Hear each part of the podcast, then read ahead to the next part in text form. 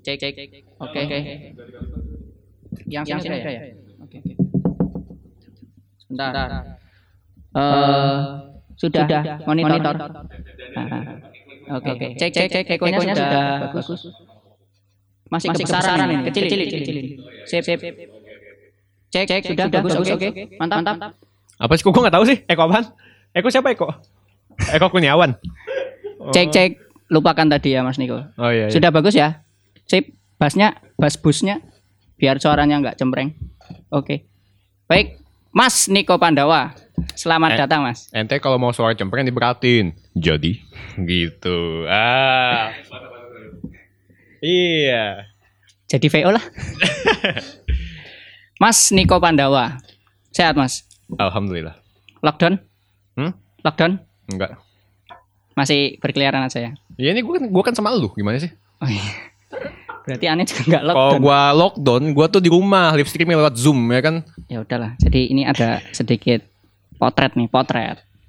Jadi kalau kita kita melihat potret, nanti antum bisa komentarin gitu. Potret mungkin dari mungkin potret itu bisa dilihat dari sudut pandang yang lain gitu. nggak cuma satu sudut pandang gitu. Hmm. Ini tentang nasionalisme. Ada apa Gitu. dengan nasionalisme? Jadi gimana ya? Di mungkin sudah tertanam dari sejak SD, SMP, SMA mungkin ya. Betul.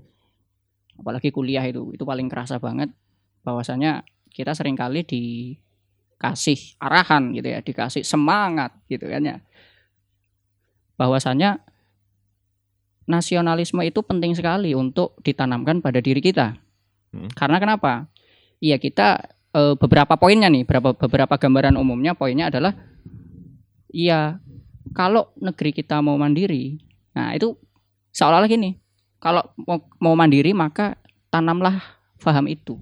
Sehingga apa? Kita tadi mandiri berdikari kan gitu. Sehingga apa?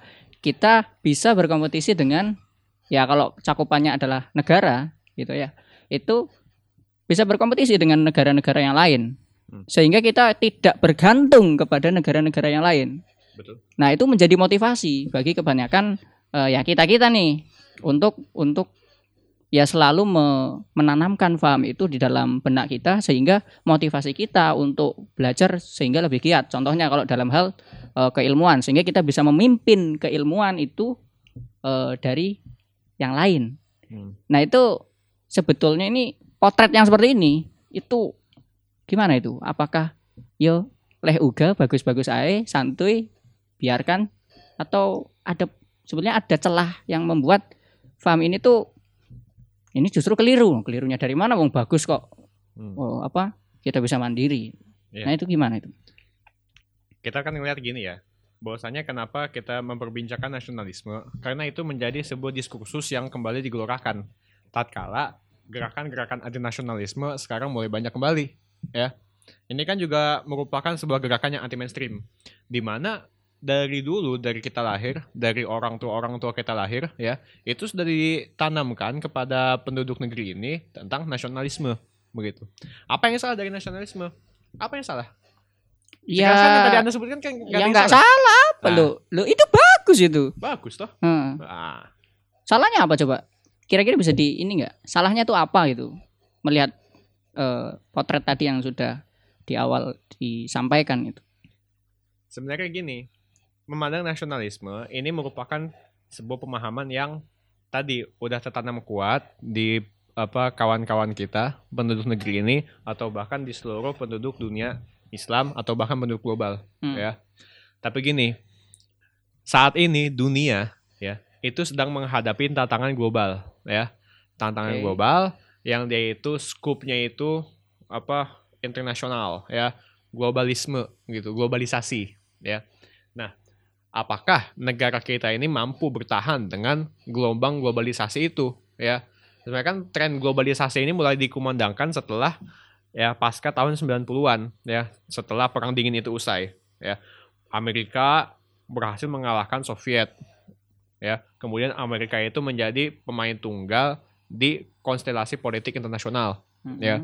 Walaupun memang ada pesaing-pesaingnya seperti Jepang, seperti Cina sekarang Hmm. ya, tapi tetap aja yang menja- menduduki puncak peringkat nomor satu itu Amerika. adalah Amerika ya sehingga di dunia politik internasional dikenal sebuah eh, apa terminologi yang disebut American leadership ya kepemimpinan Amerika di semua bidang ya tapi kita ngelihat sendiri ya dunia internasional sekarang tuh juga lagi ditempa ditimpa krisis ya Hmm. krisis ya ini akibat wabah pandemik COVID-19 ya Oke.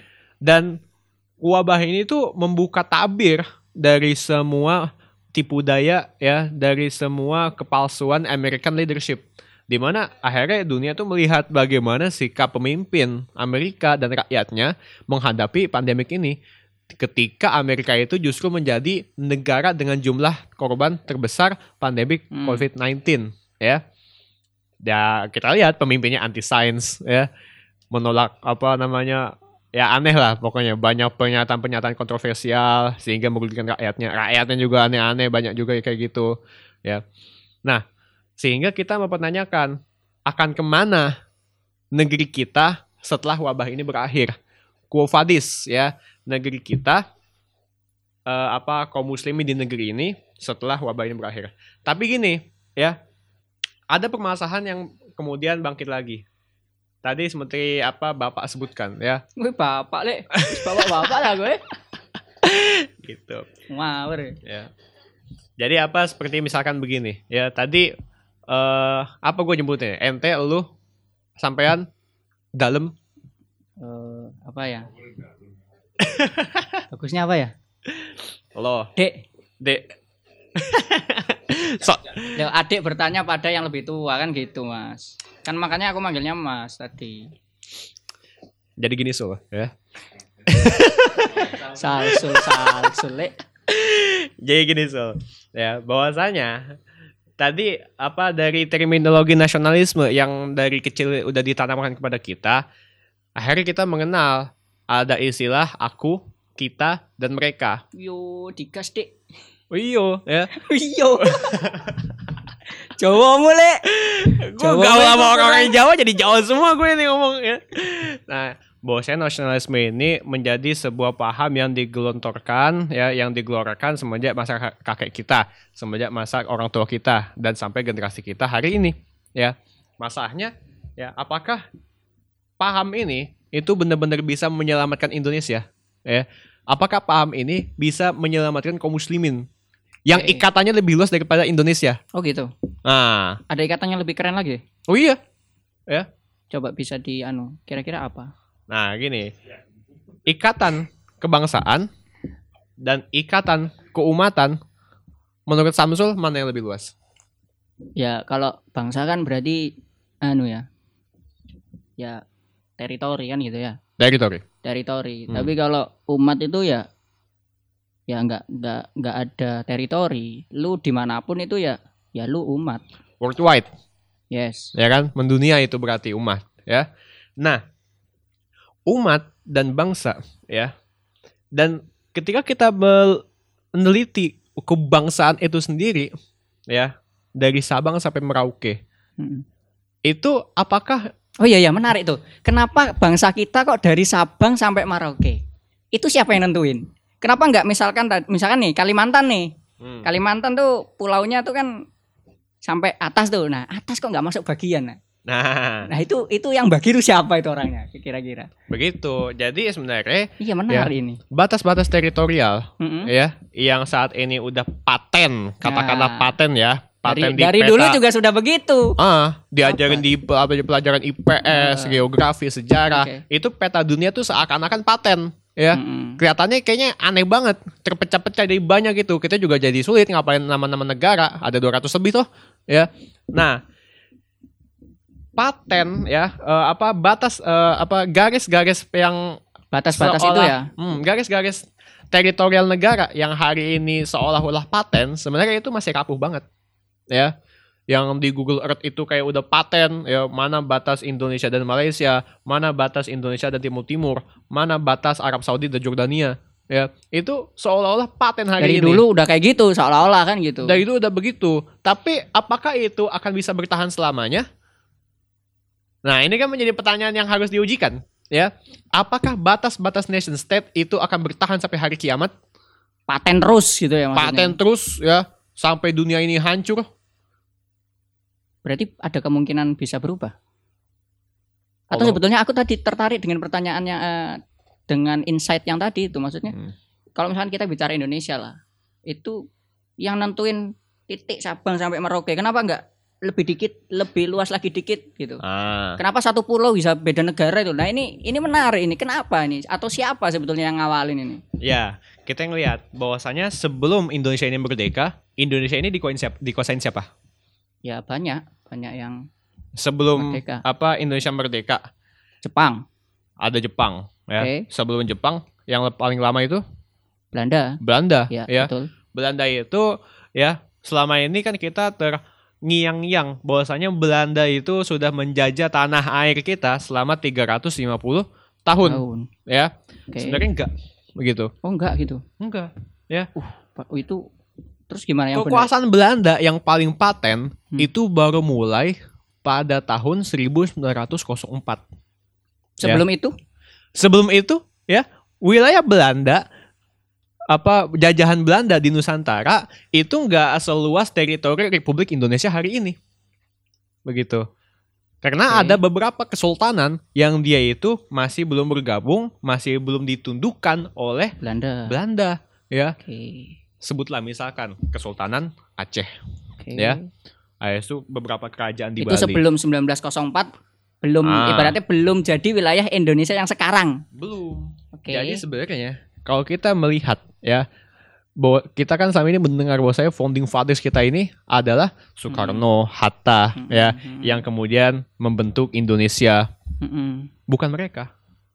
terus siapa dong kalau kayak gitu kalau kita mau buka-bukaan Hmm. sebenarnya founding fathers kita adalah seorang jenderal Belanda yang namanya Johann Benedictus van Hoots. waduh siapa meneh iku waduh Nah, karo eh. siapa itu itu tuh penguasa kita dulu. Heeh. ya. Sebelum Soekarno, emang pemimpin pertama kita Soekarno? Bukan, ya. Pemimpin pertama kita itu bangsa Belanda. Tapi bukan berarti kita ini menerima kepemimpinan bangsa Belanda yang sudah Hmm. menjajah kita, menjajah orang tua kita, enggak. Tapi kalau kita mau jujur, apa sebenarnya yang membentuk keindonesiaan hari ini? Ya, itu bukan mereka. Tapi tadi Johannes Benedictus van Hoots atau kita mengenalnya sebagai Van Hets aja lah, ya. Van Hets. Dia ini merupakan seorang jenderal, gubernur jenderal Belanda, ya, yang berhasil menyatukan seluruh kerajaan-kerajaan, kesultanan-kesultanan di wilayah Nusantara yang kemudian hari ini menjadi Republik Indonesia. dia yang ibaratnya nunduk-nundukin itu Dia yang nudukin, dia yang berhasil menaklukkan Aceh, Hmm. dia yang berhasil menaklukkan Bone, ya. Pokoknya seluruh padahal sebelumnya itu belum bisa ditaklukkan artinya ya Hmm. masih ya tadi ya wilayahnya belum paten kan gitu belum paten Kembang. ya dan wilayah-wilayah tadi ya Aceh kah Bone kah ya wilayah-wilayah yang ada di Maluku ke. Hmm. nah itu mereka semua itu ada kesultanan yang merdeka. Dan mereka itu mempunyai tumpuan yang lebih tinggi di atas mereka yang bukan pemerintah kolonial Belanda. Nah itu siapa itu? Yang tadi yang Sultan Sultan Aceh misalkan. Hmm, itu sebelum ditaklukkan nah gitu ya. Ya. Belum ditaklukkan sama Belanda dia dia bertitik tumpunya ke siapa atau di mana? Nah sultan-sultan kita Heeh. ya apakah mereka dulu a- berdiri sendiri-sendiri juga? Ah, yang dulu ada di Nusantara itu tuh mereka itu mungkin kalau kita lihat selama ini kayaknya kayak berdiri sendirian. Nah iya. Saling berdiri sendiri. Tapi enggak sebenarnya mereka itu masih bersatu di bawah satu kepemimpinan. Begitu. Apa yang yang kepemimpinan apa itu? Yang Nah. yang itu bisa maksudnya yang masih mau ngopeni gitu loh. ngopeni. Ngopeni merawat gitu ah begitu jadi gini ya, ya. merawat ya kan ngopeni ku merawat kan. Bukan ngasih kopi ya. Jadi gini ya bahwasanya pada zaman itu ya kesultanan-kesultanan para sultan di Nusantara yang bukan cuma Indonesia hari ini tapi juga sultan-sultan di Mindanao ya sultan-sultan di Brunei sultan-sultan di Pahang negeri sembilan ya dan sebagainya di Malaysia itu itu mereka itu berkiblat kepada satu kepemimpinan tertinggi di kalangan umat Islam ya yaitu ya sebuah pemerintahan yang hari ini banyak ramai diperbincangkan oleh orang khilafah ya. Ah, oke. Nah, jadi orang-orang dulu tuh mengenal khilafah ya Utsmaniyah saat itu berkuasa yaitu sebagai kepemimpinan tertinggi atas umat Islam global ya. Yang mengalahkan kepemimpinan-kepemimpinan lokal. Begitu. Walaupun tadi Aceh, Siak, Indrapura atau eh, Delhi atau Pontianak, Banjarmasin ya, eh, Pagaruyung. Wah, pokoknya buahnya tuh kita absen kesultanan apa di Nusantara. Nggak usah nanti lama waktunya. Iya, nanti sampai sahur ya, gitu. Nah, tapi kesultanan-kesultanan itu walaupun seperti berdiri sendiri, tapi mereka itu mempunyai satu kepemimpinan yang sama ya. Bahkan dalam salah satu nomenklatur yang dibuat oleh Sultan Aceh Hmm. dan itu dikirim ke Istanbul, ibu kota Khilafah Utsmaniyah. Nah, itu dalam nomenklatur Sultan Aceh itu disebutkan bahwasanya walikuli iklimin walin Apa tuh artinya mantah itu? daulatil aliyah Utsmaniyah ya. Nah, jadi Sultan Aceh menyebutkan setiap negeri-negeri di Nusantara, di Sumatera itu merupakan walin ya, merupakan wali, merupakan gubernur dari ya Mantahta Daulatil Aliyah Utsmaniyah yang berada di bawah otoritas Daulah Aliyah Utsmaniyah. Berarti dia itu bukan berdiri, ibaratnya bukan sultan itu bukan puncak kepemimpinan tertinggi pada saat itu ya. Bukan. Artinya ada yang lebih tinggi lagi dan mereka Ah. yang menjadi naungan para sultan-sultan itu. Betul, Kayak gitu. Betul. Premisnya bisa begitu. Betul ya. Jadi itu kalau kita melihat waktu abad-abad eh, itu ya abad 16 sampai 19 Hmm. itu tuh eh, apa namanya? tata politik Islam khalifah sebagai pimpinan tertinggi dunia Islam. Di bawahnya ada Salatin ya, ada sultan-sultan begitu. Di bawahnya lagi ada gubernur, ada wali, ada oh macam-macam pokoknya lah banyak ya. Nah, Nusantara semenjak Khilafah Utsmaniyah itu berdiri pada abad ke-16 ya, itu para sultan di Nusantara itu sudah menyatai, menyatakan baiatnya kepada sultan apa kepada khalifah-khalifah Utsmaniyah yang saat itu berpusat di Konstantinopel atau Istanbul. Istanbul. Oke. Hmm. Nah, ini ini ini ini ini ini ini ini ini ada insight baru ya. Artinya gini. Tadi kan pertanyaanku adalah gini, Mas. Apakah tadi paham nasionalisme itu Hmm, eh, benar tadi ya motivasi-motivasinya gitu kan. Iya. Sementara ternyata ada satu insight nih bahwasanya ini nih masih ada level yang lebih tinggi lagi daripada hanya sekedar nasionalisme. Tadi keumatan. Hmm. Sejarahnya tadi sudah dijelaskan kan panjang lebar. Oh ternyata Indonesia sebelum jadi klek Indonesia yang saat ini Sabang Merauke ya kan ujung-ujungnya itu itu ternyata juga mereka kan eh, hasil taklukan-taklukan juga tadi sama siapa tadi orang-orang anu Belanda tadi namanya Van lali aku Van Hertz Van Hertz. Van Hertz Hmm. Van Hertz itu nah ini kan eh, muncul sebuah ini lagi kan berarti pertanyaan berarti eh, kalau tadi itu salah gitu kan. Itu harusnya seperti apa gitu kalau tadi kan motivasinya seolah benar masuk akal loh itu masuk akal kan kita harus menjadi bangsa yang mandiri sehingga eh, misalkan dalam studi kasusnya teknologi kita bisa eh, lebih eh, maju daripada negara lain Hmm. Nah kalau konteksnya tadi keumatan itu maksudnya gimana? bisa nggak? Maksudnya nyambung nggak sih dengan dengan maksudnya paham itu bisa runtuh karena yang tadi keumatan itu bukan nggak sih? Jadi gini, saya mau memulai dari sini ya, bahwasanya ikatan-ikatan sultan-sultan tadi atau rakyat Nusantara ya, kaum muslimin di Asia Tenggara itu ternyata ikatannya lebih bersifat global ya. Ikatannya global, bukan regional, bukan nasional, tapi dia itu global di bawah pimpinan khilafah ya. Oke. Tapi kenapa hari ini kita mendapati kita ini hidup terpecah belah ya? Kita itu Hmm. tidak mengenal dengan baik kawan-kawan kita di Malaysia ya, Padahal sama-sama Muslim. padahal sama-sama muslim. Kita tidak mengenal kawan-kawan kita di Mindanao dan sebagainya ya, atau yang lebih erat lagi dengan Timur Tengah ya. Tapi kita hanya mengenal Indonesia. Nah, ini bermula ya ketika Van Hertz tadi itu, Gubernur Jenderal Belanda, pada tahun 1904 itu mulai mengukuhkan wilayah taklukan-taklukannya sebagai wilayah permanen kekuasaannya yang kemudian diwarisi kepada bangsa Indonesia yang baru merdeka pada tahun 1945 ya.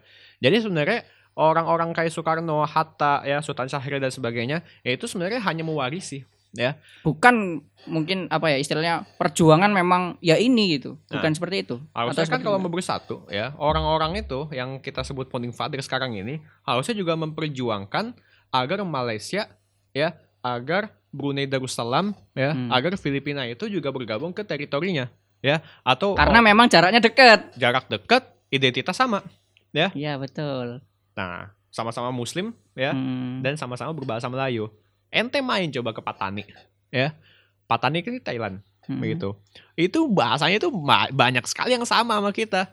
Ya, ya mungkin hanya perbedaan dari segi logat. Sama lah kayak orang Medan itu aneh dengar orang Jawa, ya, atau orang Jawa kayak apa agak merasa geli dengar omongan orang-orang Kalimantan, ya. Ya itu itu kan apa hanya perbedaan yang bersifatnya kedaerahan. Tapi sebenarnya perbedaan itu juga ada ketika kita membandingkan antara orang-orang di Jawa dengan orang-orang di Patani. Sama-sama Melayu bahasanya itu. Walaupun tadi apa cara ngomongnya agak berbeda. Itu identitas sama ya. Patani, Mindanao, ya, orang-orang di Malaysia, baik Malaysia Timur maupun Barat, itu sama semua ya, tapi sekarang terpecah belah. Nah, itu siapa yang memulai?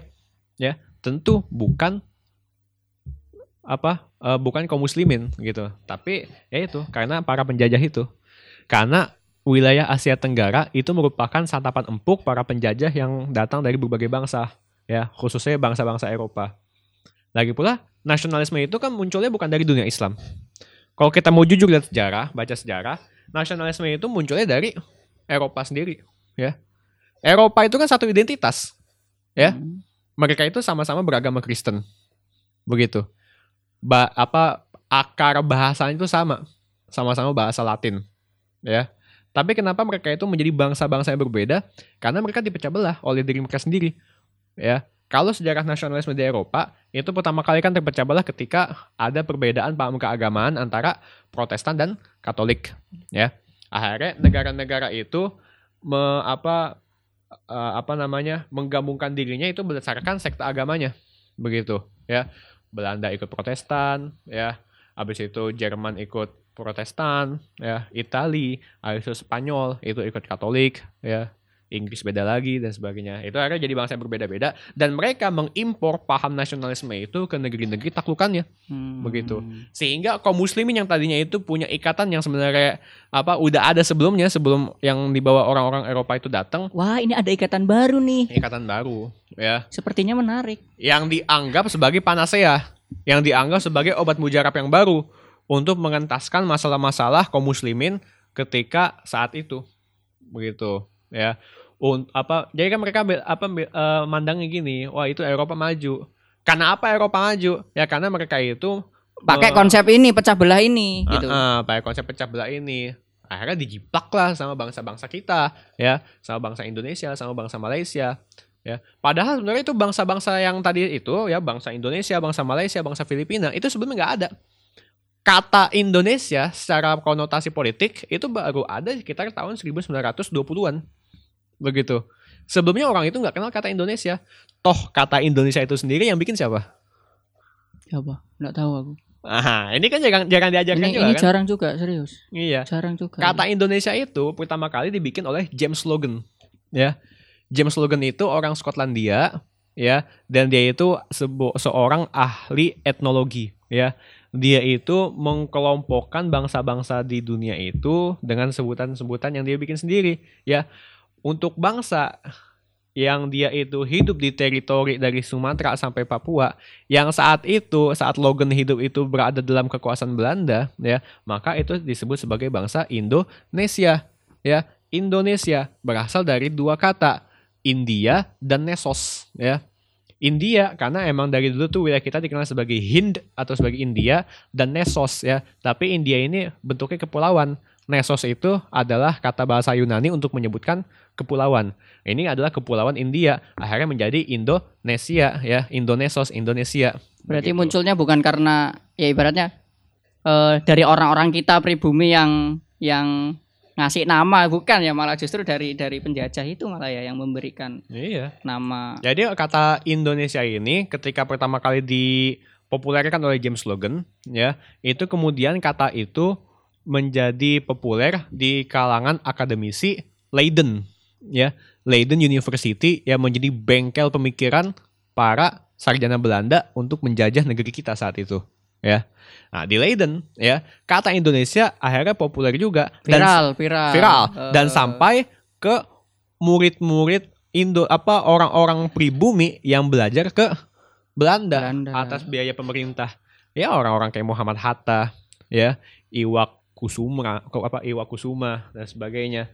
Mereka itu akhirnya yang mempopulerkan kata-kata Indonesia yang mereka jiplak dari orang-orang penjajah gitu. Akhirnya ya itu orang Indonesia itu ya atau orang Islam di wilayah Nusantara ya itu mulai diperkenalkan dengan sebuah identitas baru yaitu Indonesia ya.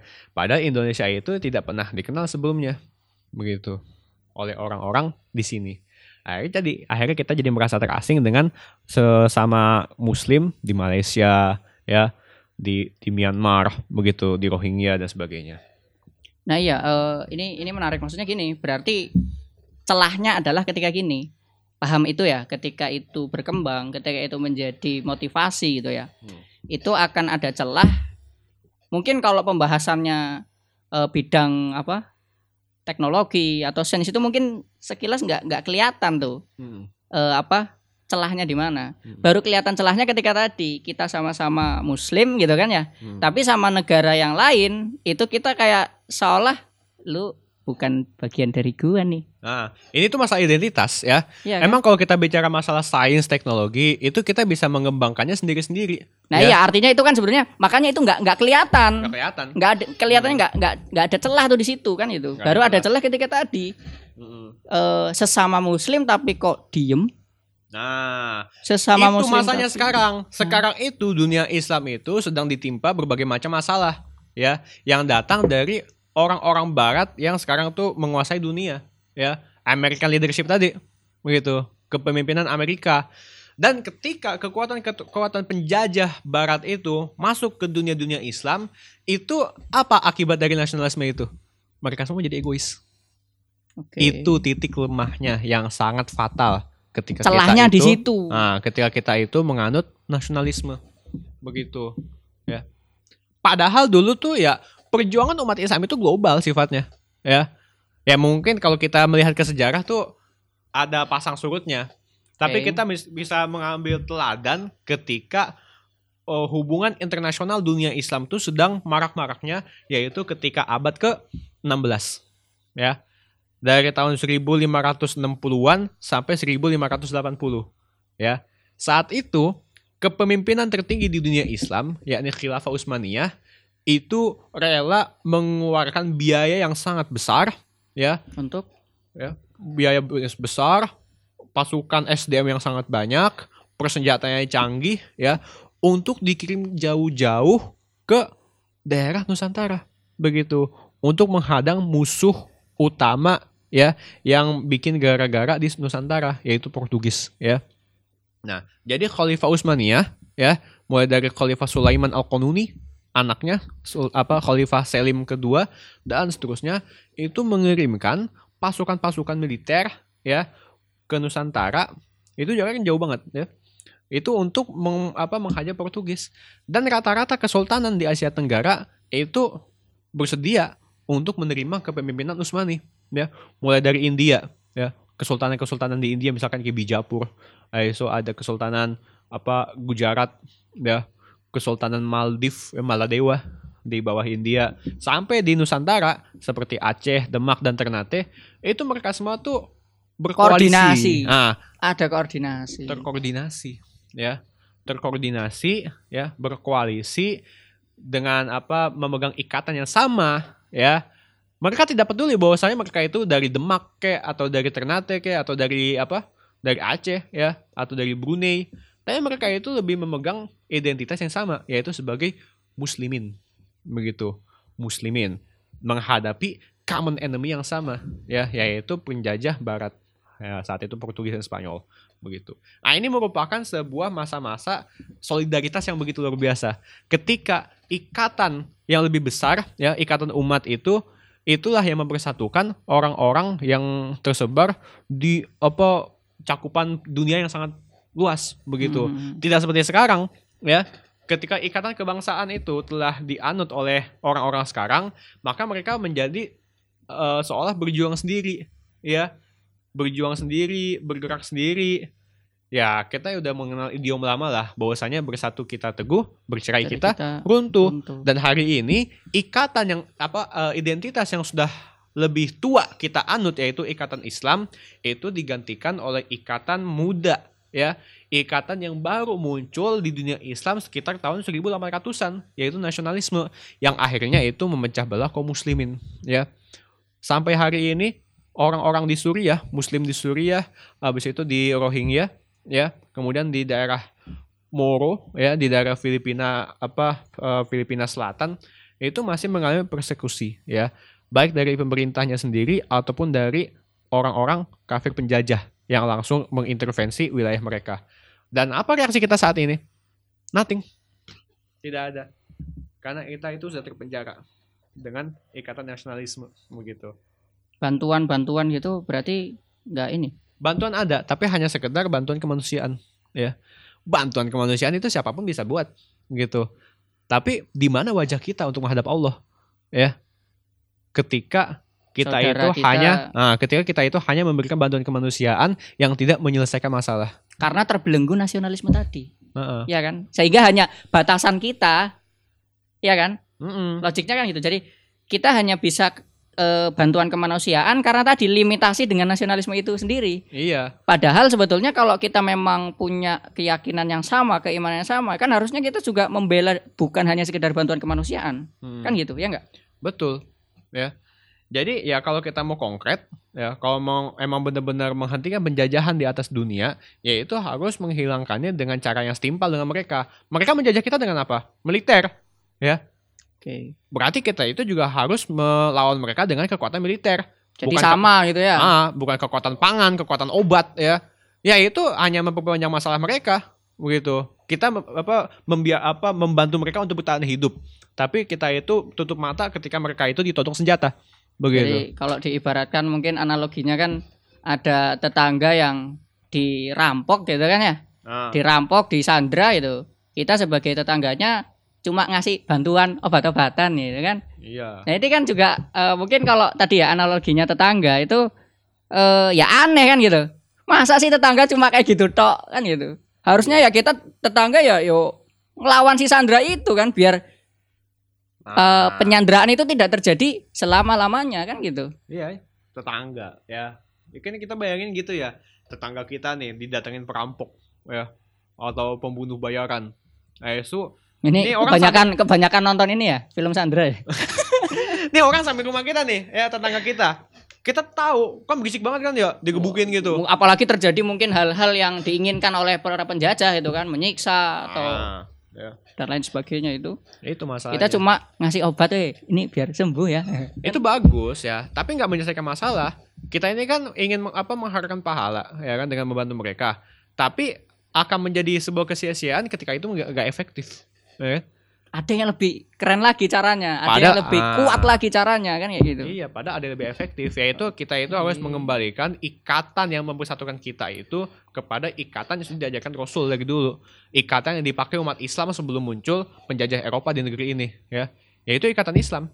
Ikatan tadi kalau bahasanya keumatan mungkin bisa di bisa dialiaskan ikatan keimanan yang sama gitu ya sebagai seorang muslim tadi itu kan. Iya. Mm-mm. Sehingga eh, apa ya? Ya kita nggak terpecah belah wong mereka bersatu untuk melawan muslim masa kita ya tadi kan mereka bersatu punya eh, apa katakanlah tadi bahasanya militer gitu kan ya. Mm. Ya muslim cuma bantuan tok ya ndak setimpal kan gitu. Mm-mm. Ya enggak sih? Bisa Betul. dibilang kayak gitu. Mm.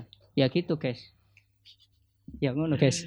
Aku gitu. Jadi eh iya gitu. Jadi eh bukan hanya permasalahan kita hanya lebih baik, lebih maju teknologi itu masih ya umum lah kalau kayak gitu kan ya. Umum. Ada yang lebih celahnya tuh ada ternyata. Yaitu tadi ketika eh kita sebagai tadi ya identitas kita kita juga makanya harus harus me, ini ya mulai berpikir mulai merenungkan sebetulnya identitas kita ini apa kalau hanya identitas Indonesia misalkan nih atau mungkin kita ya jangan bicara Indonesia lah kita hanya eh, identitasnya misalkan negara berarti kan ya tadi ketika ada saudara kita walaupun sesama Muslim Hmm. tadi ya case-nya adalah kita identitasnya negara. Itu ya kita ya itu bukan cakupan teritori kita kok. Hmm. Nah, justru itu yang melemahkan kita tuh. Betul. Nah, makanya itu lemahnya di situ kan, Hmm. nasionalisme itu. Oke, mantap nih. Leh uga nih penjelasannya nih. Eh, Tapi tentu ya, itu semua. Wih, gua udah kayak Wih, biasa. aja. Mau udah nggak tahan konsep.